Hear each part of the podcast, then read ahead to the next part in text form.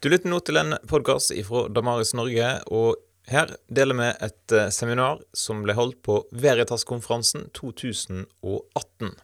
Ok, moro å se alle sammen. Tusen takk for at dere har eh, kommet her til dette veldig spennende seminaret som vi skal ha om et av på en måte nøkkelspørsmålene vi har, eh, og som vi ofte møter når vi er ute blant folk som ikke er kristne, nemlig hvorfor akkurat kristendommen i en verden full av religioner. Hallo, Det finnes jo masse religioner der ute. Hvorfor er det akkurat kristendommen du tror på? Hvorfor er det akkurat Jesus du tror på? Eh, og For min del så har dette her vært et veldig elementært spørsmål eh, i min trosliv, i min trosvandring. Eh, jeg er ikke oppvokst i en kristen familie.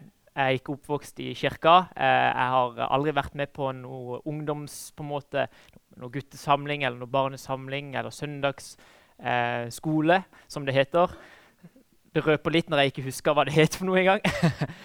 eh, men når jeg var 15 år, så spilte jeg håndball og fikk, og fikk en ny spiller på laget som eh, fort ble veldig godt eh, likt. Han var en veldig inkluderende og raus eh, type som var veldig morsom. Veldig gøy å, å være med. Eh, og han inviterte meg med på et ungdomsmøte i en pinsemenighet når jeg var 15 år gammel. Og du kan eh, tenke deg at eh, når man har eh, gått gjennom måte hele livet og kanskje vært i en dåp eller i en, en, konfirmasjon eller noe sånt, eh, og, og, ikke er vant til menighet i det, hele tatt, så kan det være litt overveldende å komme inn i en pinsemenighet av alle ting. Og ikke bare en hvilken som helst pinsemenighet, en ganske karismatisk pinsemenighet også. Men jeg tenkte ok, jeg, jeg blir med han fyren her. Eh, det blir en koselig kveld sammen med han og hans venner. Og, og, la meg prøve dette her ut. Jeg har ingenting å tape. Så jeg ble med han i, i, til denne pinsemenigheten. Jeg kan huske at vi satt oss, oss ganske langt oppe. Salen det var som, liksom, som, en, som, en, kinosal. At det ble bare på en måte høyere og høyere eh, jo lengre bak du kom. Litt sånn som her. Jeg husker at Vi satt oss ganske langt bak. og så husker jeg at eh, Et lovsangsteam gikk opp på scenen, og, og, de begynte å spille. og når de begynte å spille, så plutselig så havna det noen hender opp i lufta. Og Jeg skjønte jo ingenting. Jeg var jo helt sjokkert. Hva er det de driver med? tenkte jeg. Og jeg sa det også. Og jeg tror jeg sa det ganske høyt. Hva gjør de med hendene? Fordi at han fyren på tre-fire rader foran meg bare sakte, men sikkert tok ned hånda. Men jeg ble med i kantina etter, eh, eller i kafeteriaen etter møtet. Ble møtt av en vanvittig inkluderende gjeng mennesker som virkelig var interessert i å prate med meg. Mer enn den der to minutters samtalen om hvem du er, hvor du går på skole hen, og hvor gammel du er. Um, men, men, noen som virkelig inkluderte meg i en gjeng. Og det gjorde at jeg kom fredagen etter jeg kom fredagen etter der igjen, og fredagen etter der igjen, uh, og ble med en denne, uh, i en del av dette fellesskapet. Og så kom det til en periode hvor jeg måtte begynne å ta stilling til disse tingene som de trodde på, disse nye vennene mine. Dette her med Jesus. Og eh, jeg husker at jeg begynte å tenke ok, de tror på Jesus. De tror at han er Guds sønn, at han døde på et kors, at han ble reist opp igjen. De tror på Bibelen, på evangeliene som vitner om han. De tror at Gud er treenig, og, og, og alle disse på en måte vanlige kristne, kristne tingene som vi tror på.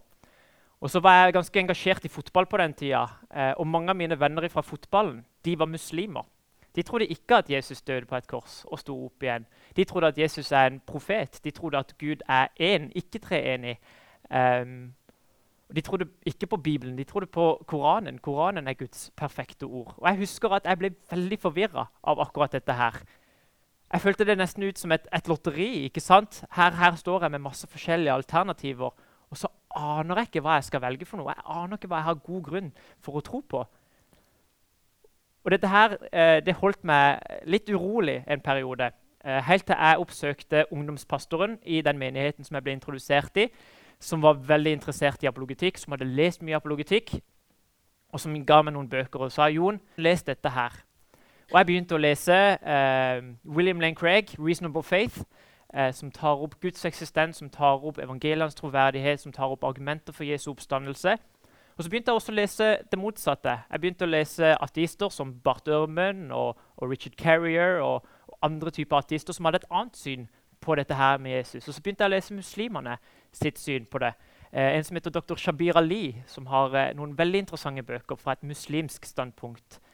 Eh, og dette førte meg på en reise som, som, endte med at jeg opplever at det å tro på Jesus det er det, det mest sannsynlige alternativet blant alle religionene som fins i verden i dag. Jeg tror at vi kan tro at Jesus har eksistert, har dødd på et kors og har reist opp igjen fra de døde eh, med god samvittighet. Med, med virkelig at, at, vi virkelig kan ha god tillit til det Bibelen forklarer om han. Så Det er litt min på en måte vei inn i apologetikken, mitt vei inn i kristenlivet. Det er at eh, jeg virkelig sleit med dette spørsmålet, spurte og fikk gode svar. Eh, og det er spesielt fire ting ja, fem ting. Beklager. Fem ting som vi skal gjennom. Jeg håper vi kommer gjennom det siste, men vi skal iallfall gjennom fire ting. For det er mange som tenker som jeg gjorde, at ja da, jeg kan tro at det finnes en Gud som eksisterer der ute. Men har han vist seg Jesus? Eh, og dette er på en måte foredraget som skal svare den innstillinga. At ja da, jeg kan tro på noe større enn det vi ser, men har han vist seg? Har han vist seg i Jesus? Og Da skal vi prate litt om man kan stole på evangeliene som historiske kilder. Vi skal spørre om man kan tro at Jesus døde på korset. Og så skal vi også ta opp litt om Koranens skildring av Jesus. For der finner du veldig mye interessant. Og så skal vi prate om det er mulig å tro at Jesus sto opp fra de døde. Og så om vi får tid um, Det er ikke sikkert at vi får tid, men får vi tid, så skal vi prate om Jesu identitet. Kan vi tro at han er den han sa han var? Ok, Er vi klare for det? La meg ta en kjapp bønn før vi begynner på det. Kjære Jesus, jeg ønsker å takke deg, Herre, for de øyeblikkene som vi får lov til å dele sammen med hverandre og sammen med deg nå, Jesus. Jeg ber Herre om at du skal være sterkt til stede, Jesus. Og jeg eh, ber Herre om at du skal utruste oss enda mer til å dele nyhetene om til deg, dele nyhetene om deg eh, til de menneskene rundt oss, Jesus. Og at eh, vi opplever Herre, at vi alle får noe ut av dette Herre, som vi kan bruke i møte med andre, eh, til de nære. I ditt navn. Amen. Vi, vi, lever i en tid hvor det er veldig mange som mener veldig sterke ting om Bibelen og om evangeliene. Eh, og det er mange som eh, er i mediebildet, som virkelig løfter opp stemmene sine og ønsker å tale Bibelen imot. Og En av de, det er en komiker som heter Bill Mayer, som eh, har eh, vært mye sammen med Richard Dawkins og Christopher Hitchens, og eh, har en egen eh, dokumentarserie på Netflix som heter Religious som baserer seg på å uh, vise hvor dumme og uintelligente kristne er som tror på Gud. Og Han sier dette. I think that people who believe in the Bible are just childish. Jeg tror at de som tror på Bibelen, de er bare barnslige folk. Og så er jo det et litt sånn tullete utsagn. Det er jo typisk at det er en komiker det kommer fra. Det ville absolutt ikke blitt sagt av en uh, nytestamentforsker eller en gamle testamentforsker eller en uh, historiker. Eh, men det er jo en komiker. Eh, så jeg syns jo det er litt tullete. Samtidig så er jeg veldig takknemlig for at folk som Bill Mayer faktisk løfter stemmene sine i populærkulturen. Fordi at det tvinger meg til å komme med en respons. Er det sant, det som Bill Mayer sier? Er det sant at det å tro på Bibelen bare er fantasi, tull og, og, og ting som vi bare håper skal være sant? Eller har vi gode grunner for å faktisk tro på han? Så Sånne type sitater de er kanskje tullete, men de utfordrer oss til å faktisk ta et oppgjør med, eh, med dem og faktisk finne ut er det sant at det er tullete å tro på Bibelen, eller har vi faktisk gode grunner for det. Og jeg mener at det fins masse grunner til å tro at evangeliene de er historisk troverdige. Og Jeg skal liste et par av dem. Det første det er alder. Det er Noen som prøver å bruke alder som et argument imot evangeliene. Men slik jeg ser det, så er det en veldig veldig godt argument for evangelienes troverdighet. Vi vet, selv om det er en liten debatt om akkurat når evangeliene er skrevet ned, så vet vi at evangeliene er skrevet 20-60 år etter hendelsene de beskriver. Markus er det første, så Matteus og Lukas ganske tett opp mot hverandre, og så Johannes sist i år 90-95. Eh, og faktisk så var det sånn på denne tida at om du ønska å eh, dele et budskap så gjorde man det på en muntlig måte. Det å skrive brev det var dyrt, det var ineffektivt. Jo, det aller beste det var å reise rundt og faktisk fortelle hva de hadde sett at Jesus hadde, på, hadde gjort på jorda. Og Derfor så ser vi at det tar litt tid fra Jesus eh, gjorde disse tingene, til de ble skrevet ned. Men vi ser altså et overlapp mellom Jesu liv og evangelienes nedtegnelse, og det er apostlene sitt liv. Apostlene de var der når Jesus gikk rundt på jorda, og de var der også når evangeliene ble skrevet ned. Det samme ser vi faktisk i, eh, når det gjelder andre verdenskrig. De siste 15-20 årene har det aldri blitt skrevet mer enn det har blitt om andre verdenskrig. Hvorfor? Fordi de som var der, er i ferd med å dø ut. Og Det samme gjelder evangeliene. Det, at det tok en, en, liten periode fra tingene skjedde, til de ble skrevet ned, fordi at de var i ferd med å dø ut, de som var der. I tillegg, Du har veldig mange manuskriptkopier av Det nye testamentet. Um, vi har ikke originalen av noen uh, av evangeliene eller brevene. Uh, og jeg kan huske Første gang jeg fikk høre det, så tenkte jeg shit, hvordan kan vi da vite hva som står i evangeliene?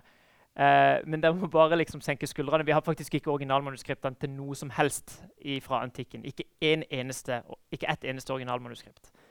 Men det vi har, det er masse kopier.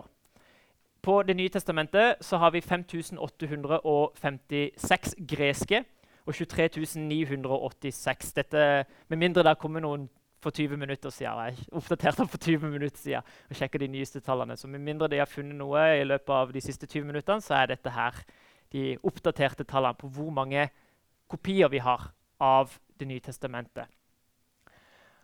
Eh, så det er ganske lett å komme fram til originalen. I, I, kontrast til dette så er den nest den, nest, eh, den, historiske kilden med nest flest kopier det er Homers Iliaden. og Den har 691 kopier. Og Det setter det litt i perspektiv da, hvor mange kopier det er av Det nye testamentet. Så Det er ganske lett å navigere seg fram til hva som faktisk sto i originalen.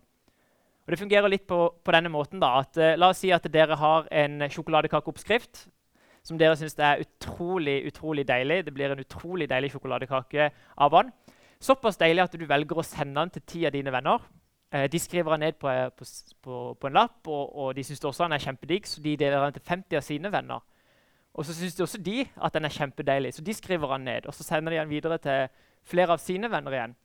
Og så utvikler det seg helt til at du har nådd da 24 000 eh, personer med denne kakeoppskriften.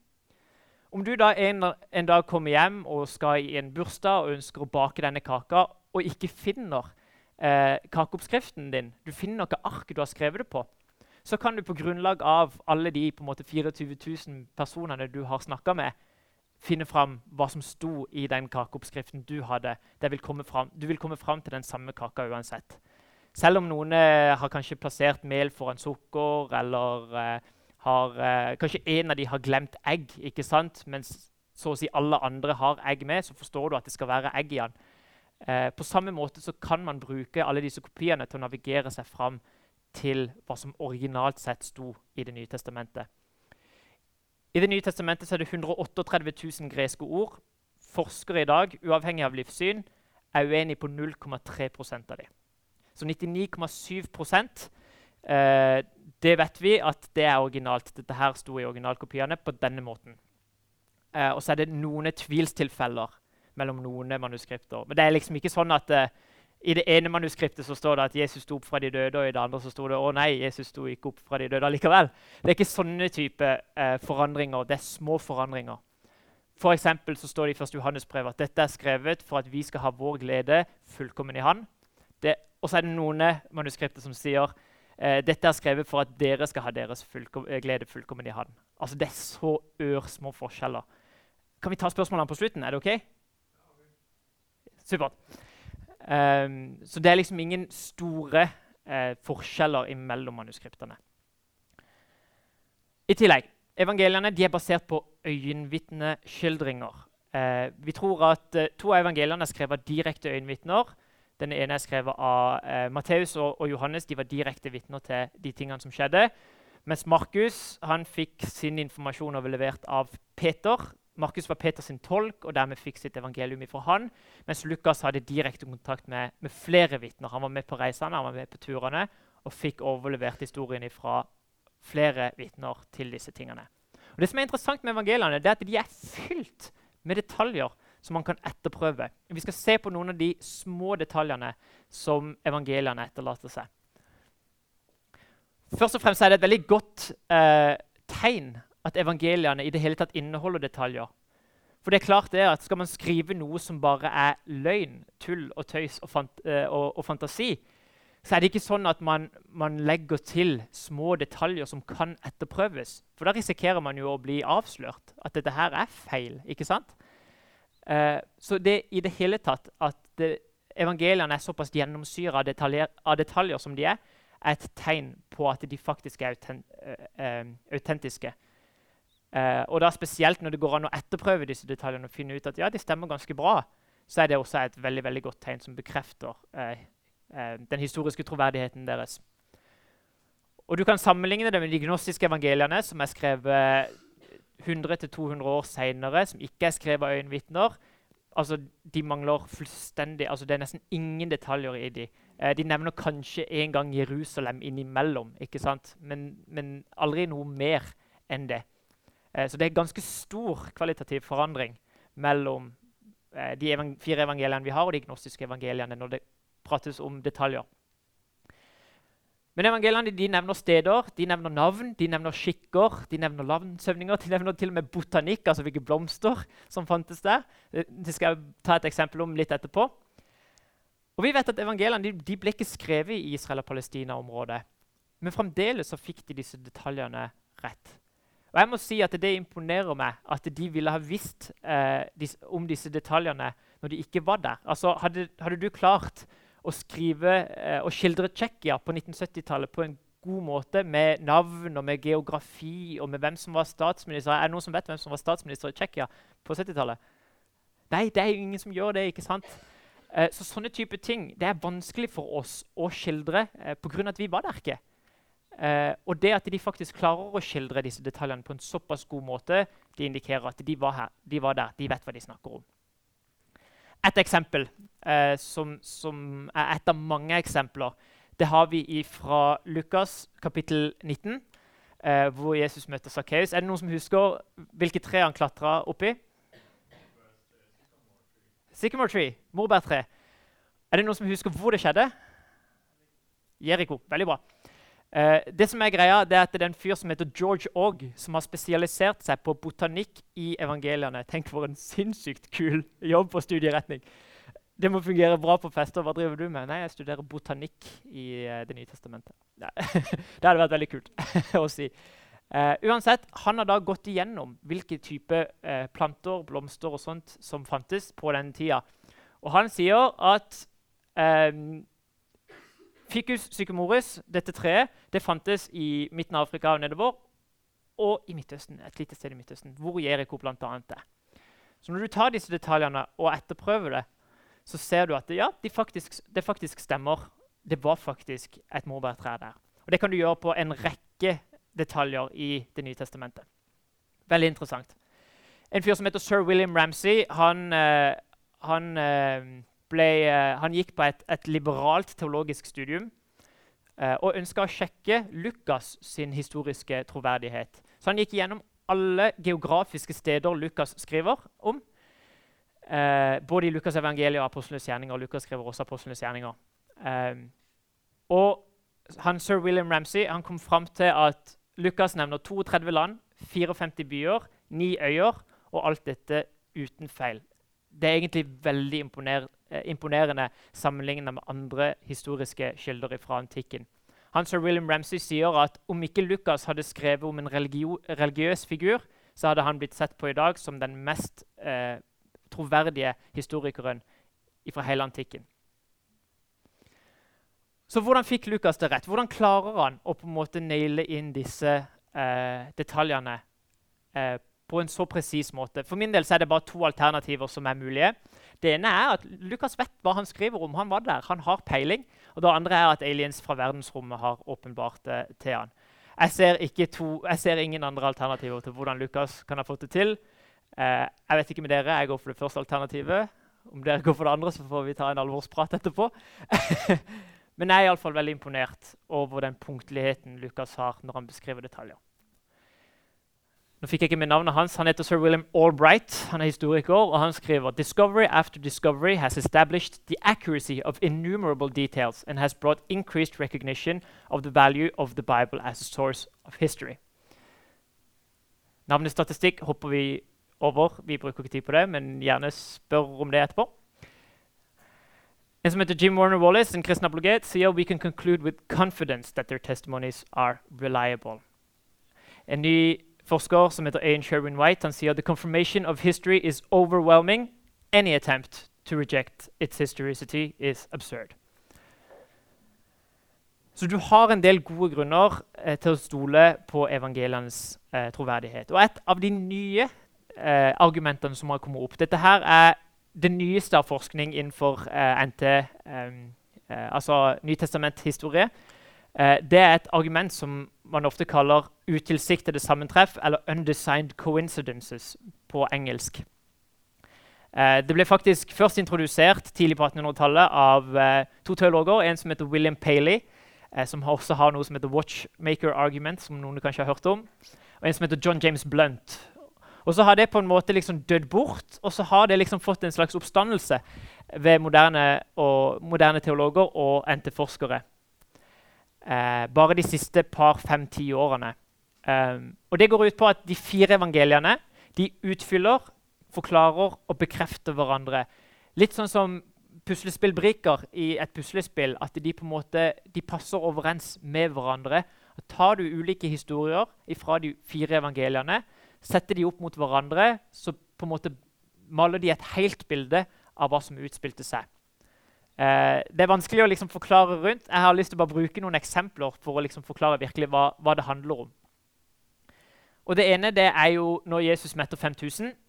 Den har du i alle fire evangelier. I eh, Johannes 6, Lukas 9, Markus 6 og Matteus 14. Eh, og Der har du en liten detalj som blir nevnt i Johannes 6. Og det er at Jesus han sier til Philip, 'Hvor skal vi kjøpe brød?' Og Legg merke til det, at det var Philip han sa det til. Dette er den eneste gangen i alle fire evangeliene hvor Jesus direkte hen, eh, refererer til Philip. Hvor han direkte eh, på en måte prater til Philip. Ingen andre steder i Det nye testamentet så prater han direkte til Philip. Kun i dette tilfellet. Det er interessant. Så hvorfor akkurat Philip? Hvorfor var det Philip som skulle svare på dette her? Ok, Så har du en, en ny del informasjon, en ny detalj fra Lukas sitt evangelium og fra Lukas sin eh, eh, omtale av den samme historien. Og det er at eh, han tok dem med til en by som heter Betzaida. Så Da vet du at Jesus han oppsøkte Philip, og at han tok dem med til en by som het Betzaida. Det skjedde i Betzaida.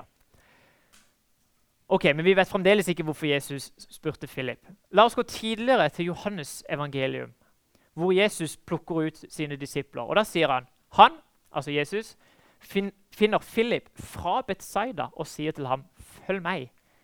Der har du en tredjedel av, av, uh, av informasjon som på en måte forklarer hvorfor han spurte nettopp Philip i Betzaida. Jo, fordi Philip var fra Betzaida. Han ville vært den som faktisk kunne ha visst hvor man kunne kjøpe brød hen. Det gir da fullstendig mening at Jesus spør nettopp Philip fordi han var fra Betzaida, som Johannes 1 forteller, og hendelsen skjedde i Betzaida. Ok, Vi har flere eksempler fra den samme historien. Eh, et av de finner du i Markus.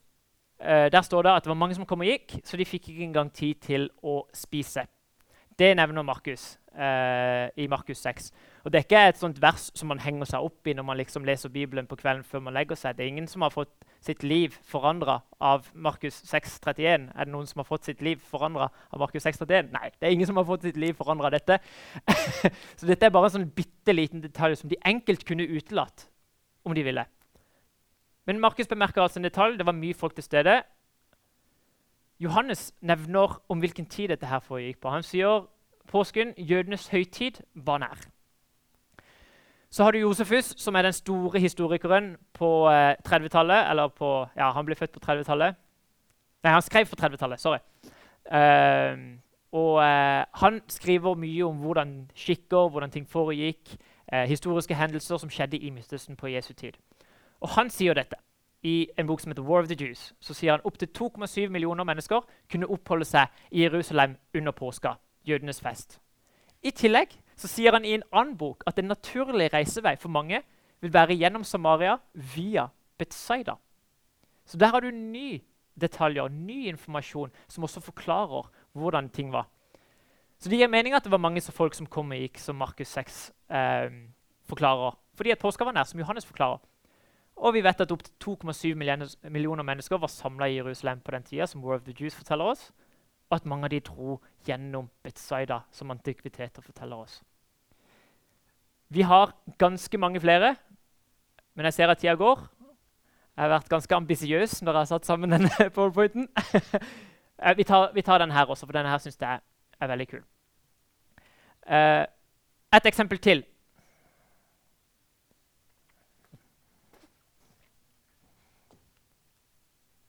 Ja.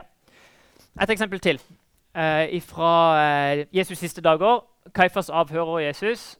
dette skjer i Matteus 26, Lukas 22, Markus 14. Og Da står det at de, de spytta ham i ansiktet og slo ham med knyttneven. Og de sa, altså soldatene gjorde, gjorde dette her. Og de sa, 'Spå oss Messias. Hvem var det som slo deg?' Og så er det et litt rart spørsmål å stille. ikke sant? Her står de og banker han opp, og så sier, Jesus, eh, så sier soldatene til Jesus ok, 'Hvem er det som står og slår deg?'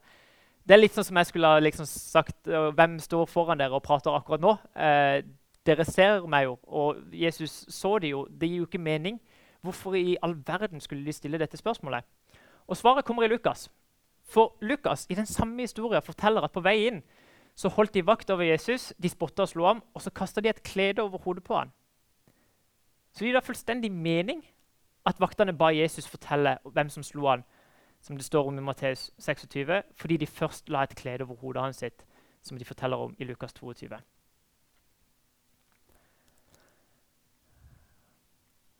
Vi, vi dropper noen av disse men det finnes iallfall mange. Det som er veldig kult, da, det er at disse eksemplene de er ikke knytta opp mot kun mirakelhendelser eller kun hendelser rundt oppstandelsen eller kun på en måte i noe veldig snevert. Men de gjennomsyrer evangeliene. De, de, er der fra start til slutt, fra begynnelsen av livet til, til slutten av livet hans.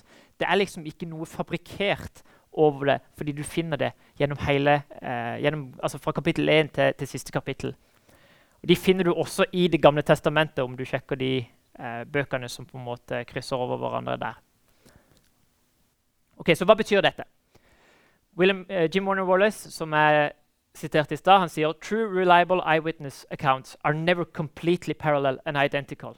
Instead, they are different pieces of the same puzzle unintentionally supporting and complementing each other to provide all the details related to what really happened. Og Det er virkelig det vi ser i disse utilsikta sammentreffene i evangeliene. Jeg som heter Lydia McGrew, hun sier «This is what truth look like. This is what memoirs from witnesses look like. This is what it looks like when people who are trying to be truthful and who possess reliable memories of things that really happen, have those memories put down in writing. This is evidence for the Gospels. Dette sier hun i en avsluttende, i, i en avsluttende setning i en bok om utilsikta sammentreffer som heter ja, Nå husker jeg ikke hva den heter, men det er Lydia McCrew som har skrevet den. Så, så sjekk den ut. Den er veldig veldig interessant. Tim McCrew, som er da mannen til Lydia McCrew Det er ingen undesigned coincidence der. Uh, han sier dette at «These undesigned coincidences provide evidence for independent knowledge of real events». Så kort oppsummert, Dette er noen av de grunnene som har gjort at jeg har kommet til å tro på at evangeliene er historisk troverdige det er at de er bygga på øyenvitnekilder.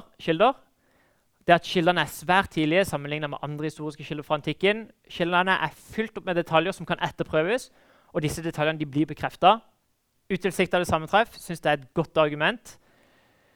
Så vil jeg si at Evangeliene er ikke troverdige fordi de er i Bibelen, men de er i Bibelen fordi de er troverdige. Det er ikke sånn at vi kan løfte opp Bibelen og si de står i Bibelen, så derfor så er det sant. Nei, det er en grunn til at disse tekstene er blitt med i Bibelen. Det er en grunn til at disse tekstene er kanonisert.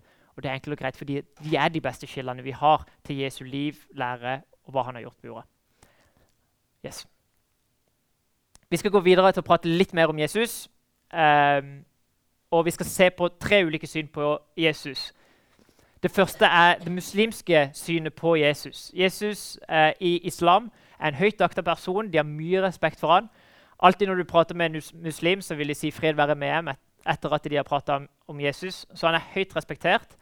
Han er nevnt ca. 150 ganger i Koranen. Eh, 21 ganger som Jesus, mens andre ganger blir han kalt eh, kalimala, altså Guds ord, eller rohala, som er Guds eh, ånd.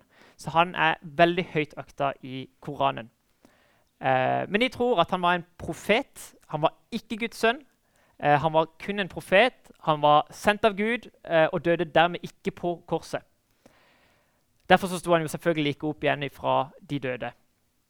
Jødedommen vil si noe annet. Jesus var en av oss. Han var en rabbi, han var en lærer som, som lærte oss mye om Gud. Og så plutselig så ble, han, så ble, han, gal, og så begynte han å prate om at han var Gud. Og så, så påsto han guddommelighet, og så, og så på en måte feide han litt ut. Han døde, ikke, han døde kanskje på et kors, men han sto ikke opp igjen, og han var ikke Messias. Mens vi som kristne vi tror at Jesus er guddommelig, han døde på et kors, og han sto opp igjen. Skikkelig mye tekniske problemer. Uh, Microsoft Update. Ikke tida for det.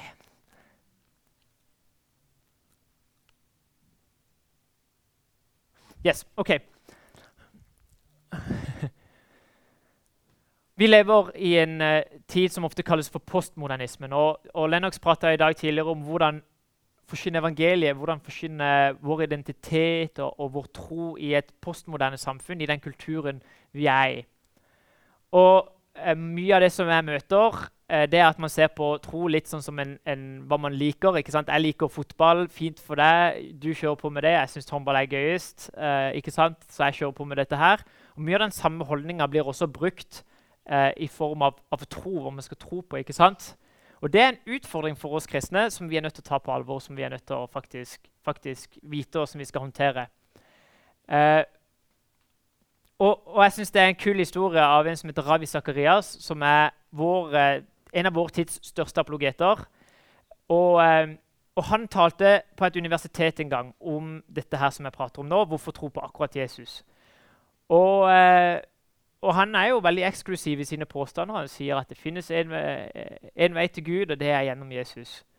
Og Så kommer det en professor opp til han etterpå og så sier han at uh, du, det var veldig mye interessant og bra du hadde å si, men, men det er én ting som jeg, som jeg syns mangler, og som jeg syns ikke er bra med, med, det du sa. At du er veldig enten-eller. Kan du ikke gå tilbake igjen litt til, til dine tradisjoner, Ravi? Indisk? Eh, og Gå litt tilbake til dine tradisjoner og bli litt mer eh, både og, sier, eh, sier, han da til Ravi Sakarias. Og Da svarer Ravi Sakarias, mener du at jeg må vente, velge enten-eller. Eller både og. Så jeg syns det var så fin måte å på en måte få det fram på. fordi at eh, spørsmålet, eller det han ønsker, han fyren her, han professoren som gikk opp til Ravi, det illustrerer poenget om at man er nødt i noen saker til å velge både eh, enten-eller. Det er ikke sånn at i alle saker så kan man si både og. Vi kan ikke si at Jesus, at Jesus ikke døde på korset samtidig som at han døde på korset. Det leder til fullstendig logiske motsetninger. Det blir helt absurd. Så i disse spørsmålene så kan vi faktisk ikke eh, dilte etter på en måte samfunnets holdning om, enten, eh, om, enten, eh, om både og og denne slags relativisering av sannhet, men vi er nødt til å stå på at vi må tenke enten-eller om disse tingene. Om ikke så leder det til logiske motsetninger og fullstendige absurditeter. Det kan kanskje finnes fjerde, et fjerde alternativ. Det kan hende at både muslimene, jødene og kristne tar feil. Det kan hende at buddhistene har rett, for alt det jeg vet. Det kan jeg godt være med på, at det er et fjerde alternativ her. Men jeg kommer aldri til å bli med på at alle de tre alternativene kan eksistere og være like sanne samtidig. Det kommer jeg aldri til å gå med på.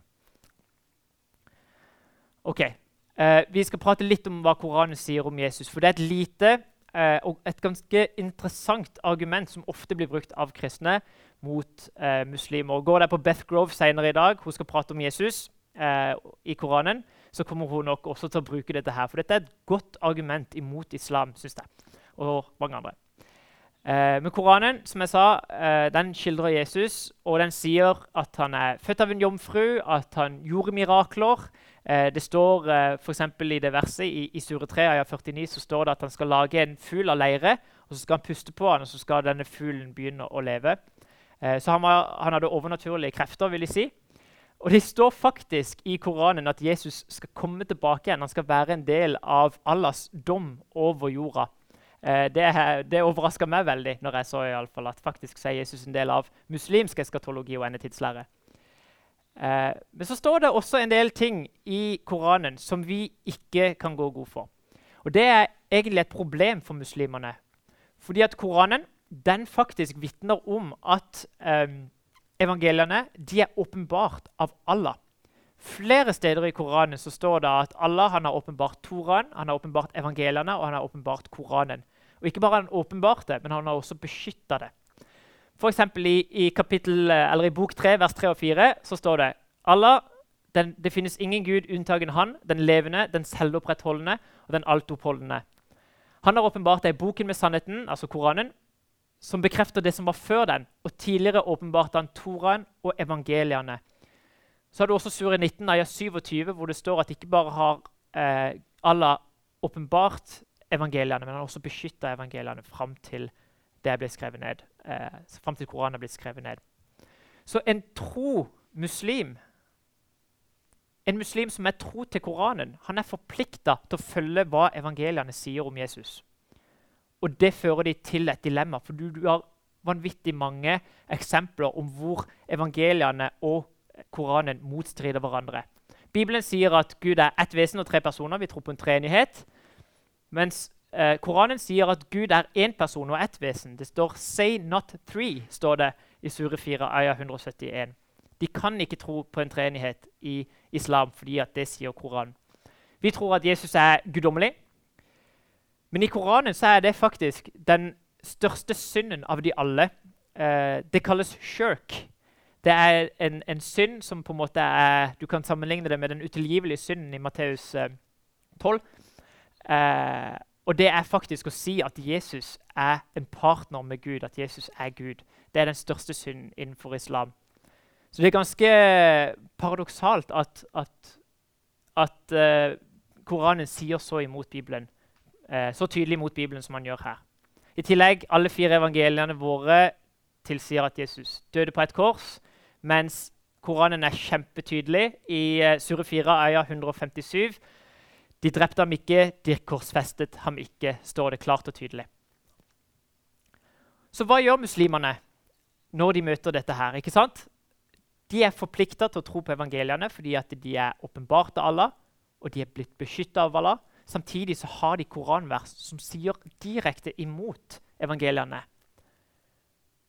Muslimene må da enten velge versene som sier at de skal lyde evangeliene, eller så må de velge versene som motsier evangeliene. De kan ikke tro på begge ting. Og Det er et problem for muslimene, fordi de tror på Koranen som Guds perfekte, åpenbarte ord til menneskene. Alle ting som står i den, er historisk, vitenskapelig perfekt, og de kan ikke inneholde motsetninger.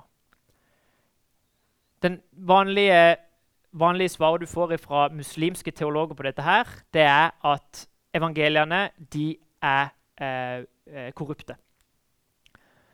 Og Da kan du si ok, om de er korrupte, hvorfor står det at Allah har beskytta dem? Og det andre du kan si, er hvem gjorde det, når skjedde det, og hvor skjedde, hvor skjedde det? Det kan jeg ikke svare på. Eh, vi, vi, vet at evangeliene de er ikke korrupte, de er gode historiske kilder. Eh, så her faller faktisk Koranen etter den standarden som den, den setter sjøl til seg selv, ganske, den faller ganske sammen i møte med disse tingene. Det er et kort eh, argument mot, mot, islam som jeg syns er veldig nyttig, eh, og som jeg syns er veldig godt. Og jeg syns ikke at eh, de svarene som muslimene gir, er i nærheten av å være tilfredsstillende. Ok, Vi skal avslutte kjapt med å prate veldig veldig kjapt om Jesu eh, liv, død og oppstandelse. Har vi noen gode historiske grunner for å tro på dette? Eh, på Internett vil du finne noen som sier at Jesus ikke har eksistert. Eh, men det er sånne type ting som, som man hører på Internett. Vi, vi, kan ærlig talt ikke lytte til konspirasjonsteorier man finner på nettet. Vi, vi, er til, vi, er nødt til å lytte på hva ekspertene sier om Jesus.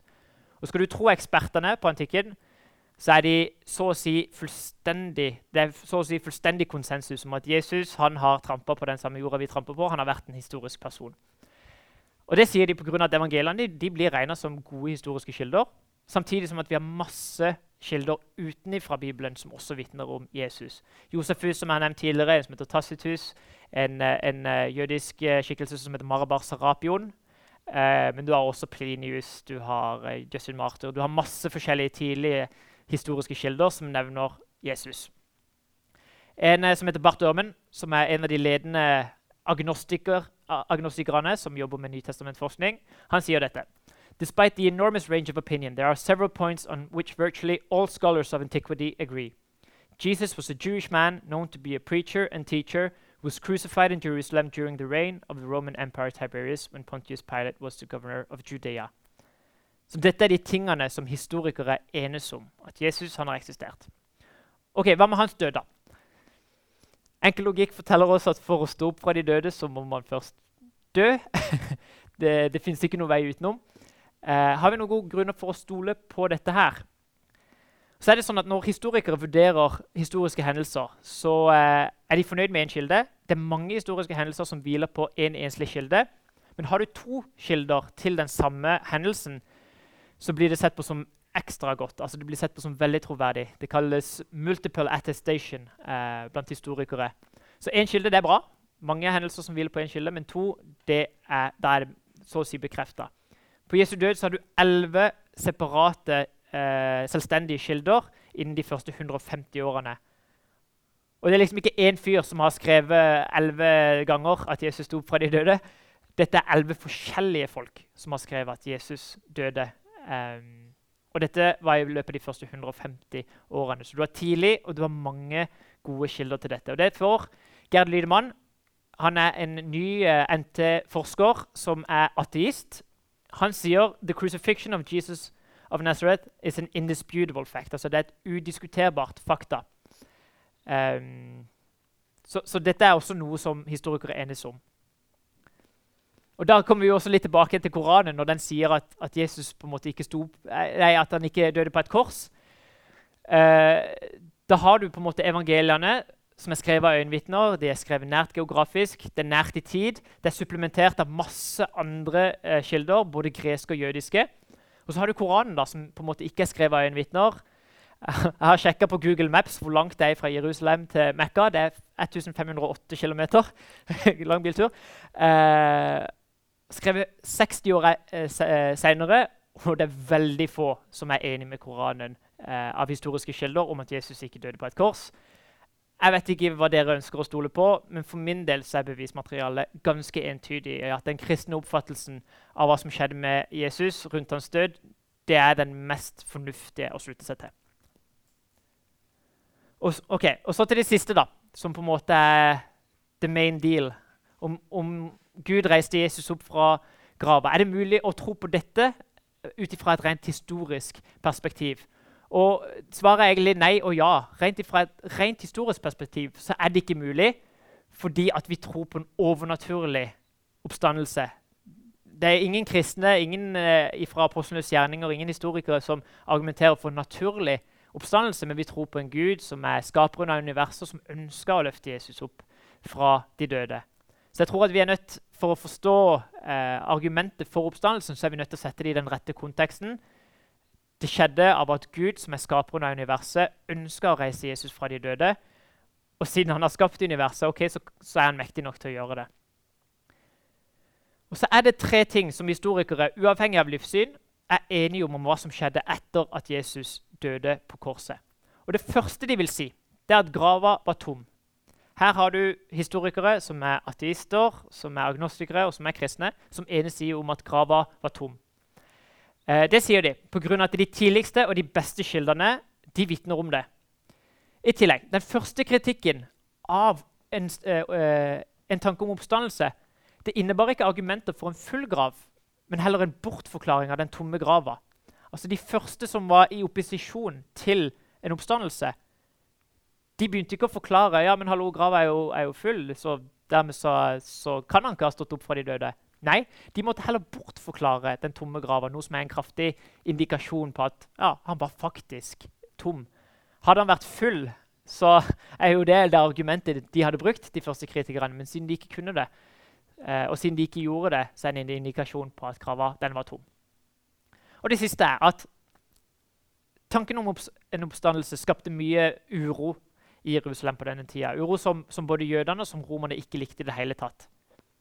Og En måte de kunne ha, ha blitt kvitt denne uroen på, var jo å åpne opp grava, vise fram liket og si 'her er det'. og det ville jo på en måte silensa hele greia med en eneste gang. Eh, det ville jo ikke blitt noe mer uro. altså Case closed.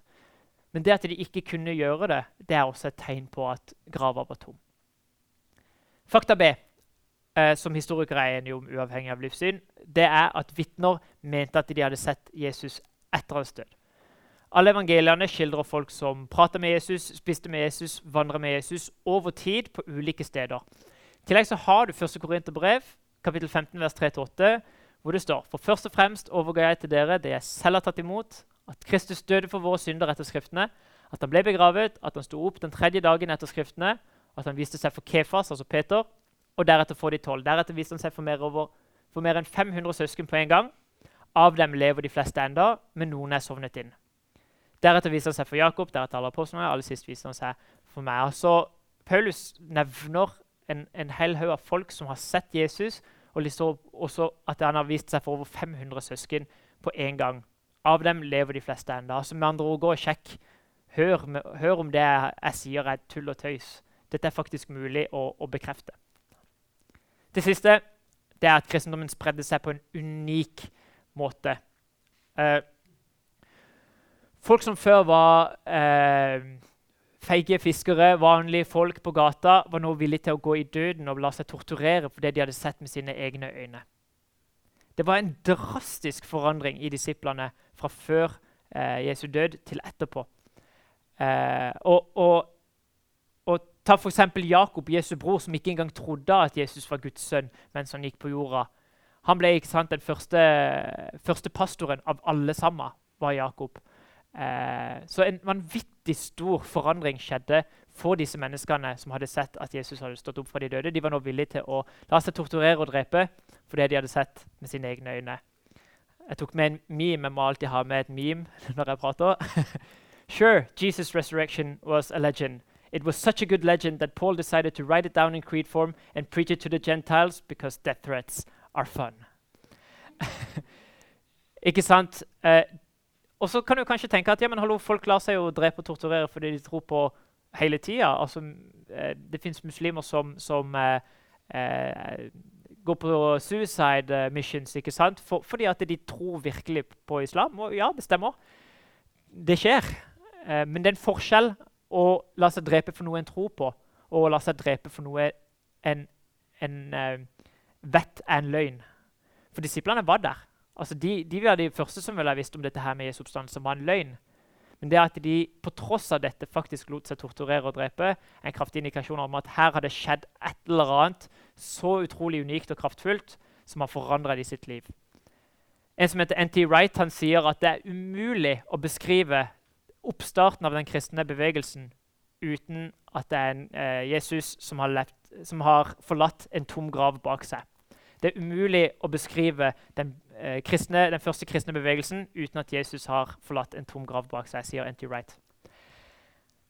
Så jeg tror også at den beste forklaringa av disse faktaene, at grava var tom, at vitner mente at de så Jesus, og at kristendommen spredde seg på en så unik måte, det er at Gud reiste Jesus opp fra grava. Så har du en rekke alternative teorier.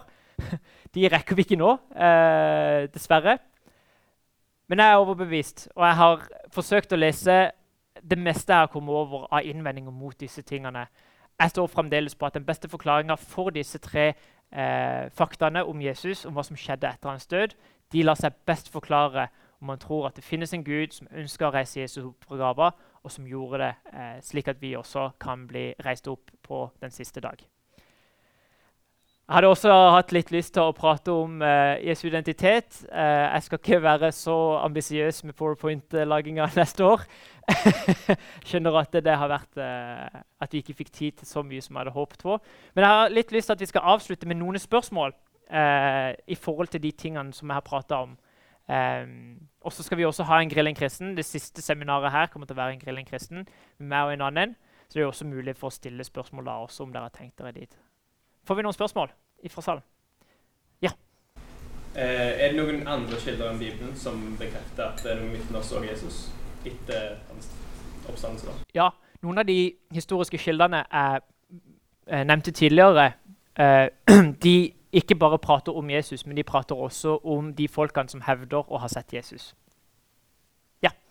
Ja, Josefus nevner vel Jesu oppstandelse. Men spørsmålet var, var med evangeliene altså Jesus lever, og, og evangeliene er troverdige. Det tror jeg på. Men jeg lurte på så er det en litt forskjellig siste versene i Markus 16. For Noen sier vel at de ikke var med i noen manuskripter der, noen vers helt på, yes. på slutten. der. Godt poeng. Jeg sa uh, at av, av, de uh, nå, nå, prater vi om tekstkritikk, ikke sant? manuskriptkopier av Det nye testamentet. Og av de så er det litt uenigheter om spesielt tre steder om de er originale. Det ene er de siste tolv versene i Markus 16. og så er det to vers i 1. Johannes kapittel 5, vers 7 og 8. Og så har du de første tolv versene i Johannes 8. De er det litt tvil Eh, rundt blant akademikere om er originale eller ikke. Uh, og grunnen er at du har ganske god oversikt uh, over hva som, som sto i kopiene de første 500 årene. Men de var ikke en del av det, uh, disse stedene. Verken 1. Johannes kapittel 5, vers 7 og 8, eller de siste åtte versene i Markus 16, eller de første tolv i Johannes 8. De var ikke en del av de tidligste kildene, eller de tidligste kopiene. De var utelatt av det. Eh, så spør du meg, så tror jeg at eh, Johannes 8 og Markus 16 kan være originale. Eh, grunnen er at de er seine, men de er ikke så seine. Skal du sammenligne dem med f.eks. Josefus eller sånt, så, så, så, er de godt innafor. Men jeg skjønner at de er diskutert. Når det gjelder 1. Johannes brev, kapittel 5, vers 7 og 8, så syns jeg ikke at de virker ut som at de er originale, for de kommer veldig veldig lenge etterpå.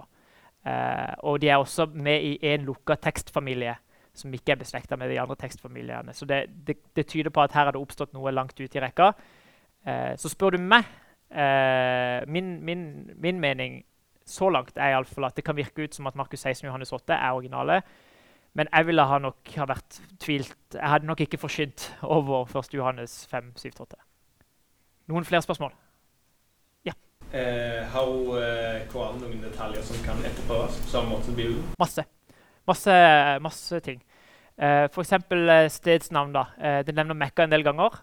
Eh, men når man ser hvordan Koranen eh, presenterer Mekka, så presenterer han det som et sted hvor det er vann, og hvor det er store fjell rundt osv. Eh, og det er litt underlig, egentlig, fordi at Mekka er jo en ørkenlandsby uten noe fjell rundt. Eh, så skal man på en måte sjekke hvordan Koranen beskriver byer, steder osv., så, eh, så syns jeg at den imponerer på en mye mindre måte enn det Bibelen gjør når han eh, beskriver disse detaljene. Og det er ikke sånn der eh, for å liksom si at ha-ha-ha, Bibelen er best uansett hva det sier. Eh, men det er fordi at går man og ser rent objektivt på det, så, så, tyder det på at de detaljene som er skrevet i Bibelen, blir etterprøvd og bekrefta i mye større grad enn det Koranen gjør. Og husk at eh, Bibelen har vært under nøye kritikk. ikke sant? Eh, du, du, har det som heter den religionskritiske eh, religionshistoriske eh, skolen, som ble satt opp i, i Tyskland på 1870-tallet. Som på en måte egentlig har gått grundig, ganske, gjennom, ganske grundig gjennom Bibelens innhold og funnet ut at ja, ok, dette her er ganske troverdig. Eh, den samme metoden, den historiske kritiske metoden den begynner nå å bli brukt på Koranen. Eh, bare de siste årene, egentlig. Og der har det allerede kommet en del mye gøye funn. Eh, så eh, Gerd Puin vil være et interessant navn. Carl Aalig vil også være et interessant navn. Det er to ateistiske historikere som har undersøkt Koranen og, og gjort egentlig det som vi prater om nå. Finne ut om, om detaljene er mulig å, å bekrefte. Uh, og de har en, en, kjempespennende bok som heter 'The Origins of Islam', som uh, tar for seg en del av disse detaljene og prøver å finne ut stemmer de eller stemmer de ikke. I ganske stor grad stemmer de ikke.